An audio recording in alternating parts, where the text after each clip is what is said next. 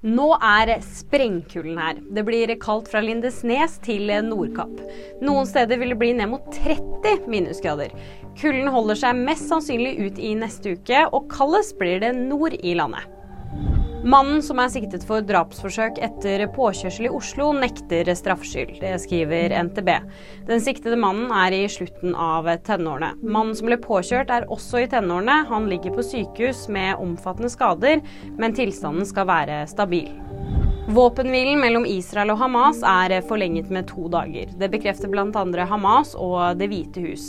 Elleve israelske gisler er nå også på vei til Israel, sier det israelske militæret. Og nyheter det finner du alltid på VG.